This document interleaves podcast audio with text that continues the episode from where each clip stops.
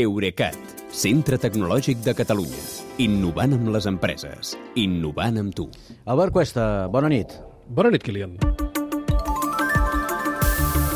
Lògicament inevitable, hem de parlar d'Amazon amb aquest anunci del tancament de Martorelles. Forma part aquesta mesura de les reduccions mundials de plantilla anunciades per l'empresa, Albert? Uh, formalment no, perquè Amazon assegura que vol recol·locar tot el personal de Martorelles en altres instal·lacions seves. En tot cas, uh, es podria considerar mala notícia per Catalunya perquè l'activitat d'aquest centre del Vallès anirà a una altra de nova construcció a Plaza, a prop Sí. de Saragossa.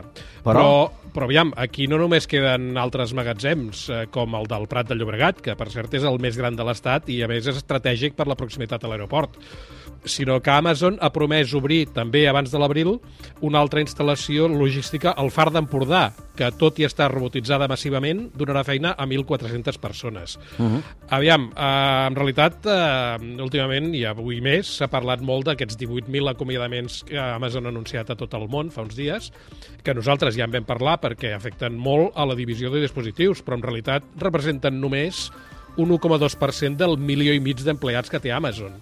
En canvi, per comparar, els 11.000 les 11.000 persones que despatxa Meta són gairebé un 15% de la seva plantilla. Clar, són, són diferents les coses, sí. les eh, proporcions, les dimensions. les, les sí, proporcions són diferents. sí. Sí, sí. Eh, Per tant, et sembla que Amazon continua apostant per Catalunya?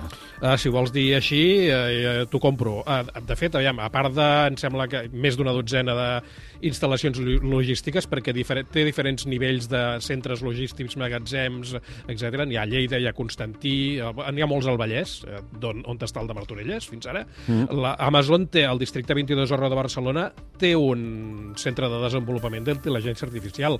I ja que parlem de, de robots, d'aquests que hi haurà al Far d'Empordà, el magatzem de Castellbisbal, que va ser el primer que es va obrir a Catalunya, també va ser també el primer de l'Estat que Amazon va automatitzar, fins i tot abans que el principal d'aquell moment, eh, bueno, el primer de fet, que era San Fernando de Henares. Uh, Amazon uh, obre i tanca contínuament magatzems per tot el món, uh, hi ha llibres sencers sobre això, en funció de les necessitats del negoci i també, t'he de dir, de les facilitats que li ofereixen les autoritats, que és una cosa que fan totes les multinacionals, tecnològiques o no tecnològiques. Ja.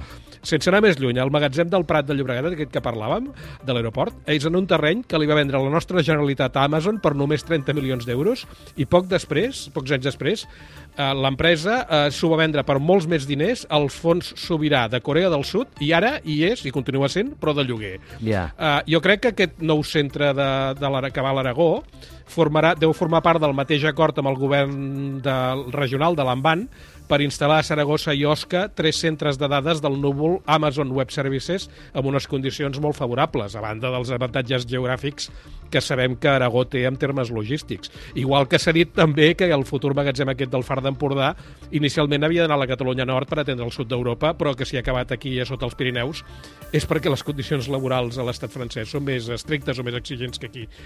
Uh, aviam, per resumir, jo crec que estaria bé ja assumir aquest tancament de Martorelles, espero que les 800 persones vagin recol·locades, naturalment, no es faltaria, però aquest tancament de Martorell, Martorelles eh, fins ara serveix per moure àtoms, paquets, i el que s'hauria de fer ara és treballar perquè Amazon algun dia instal·li aquí un centre de dades per moure bits i no àtoms, aprofitant allò que hem parlat alguna vegada de l'arribada de cables submarins internacionals a la costa catalana. Doncs queda molt clar on és el repte, en realitat. Molt Jo bé, ara sí. aquí tancaríem l'apartat Amazon, Uh -huh. però no m'agradaria tancar del tot amb tu perquè avui hem de parlar d'una altra cosa. Ho ha anunciat la Generalitat aquesta tarda. També tindrà el botó vermell, això n'havíem parlat abans, eh, fa dies, per enviar alertes d'emergència als mòbils dels ciutadans a les zones afectades. Era a Madrid, ara serà aquí el botó, eh? Sí, eh, aviam, ho ha assegurat aquesta tarda el conseller d'Interior. Fins ara només podia declarar què era una emergència i què no el Servei Estatal de Protecció Civil, que és el que va passar en el simulacre que es va fer el novembre al Camp de Tarragona, que és, Que és quan en vam parlar, sí, sí. sí. sí. Uh, aleshores, ja es va comprovar que el sistema funcionava correctament, però també vam dir que es trobava a faltar, i la, i la Generalitat també ho va dir, que la pròpia Generalitat pogués recórrer amb aquest sistema, pogués activar aquest sistema directament. Això eh, es veu que s'ha aconseguit i passarà a partir del 1 de febrer. I després, quan sigui així, i abans de final d'abril, està previst provar el mateix sistema fent quatre simulacres que en conjunt afectaran el 100% de la població catalana. Això vol dir a tots. Uh, sí, sí, i així podrem veure tots com són aquests missatges d'alerta que recordem, com vam explicar en el seu moment, que són diferents d'un SMS o d'un WhatsApp. Sí, cert, ho has explicat. Bé, doncs estarem pendents del botó, uh, que, ara, que ara estarà aquí. Gràcies sí. i fins demà, que vagi bé. Bona nit, Quilem, fins demà.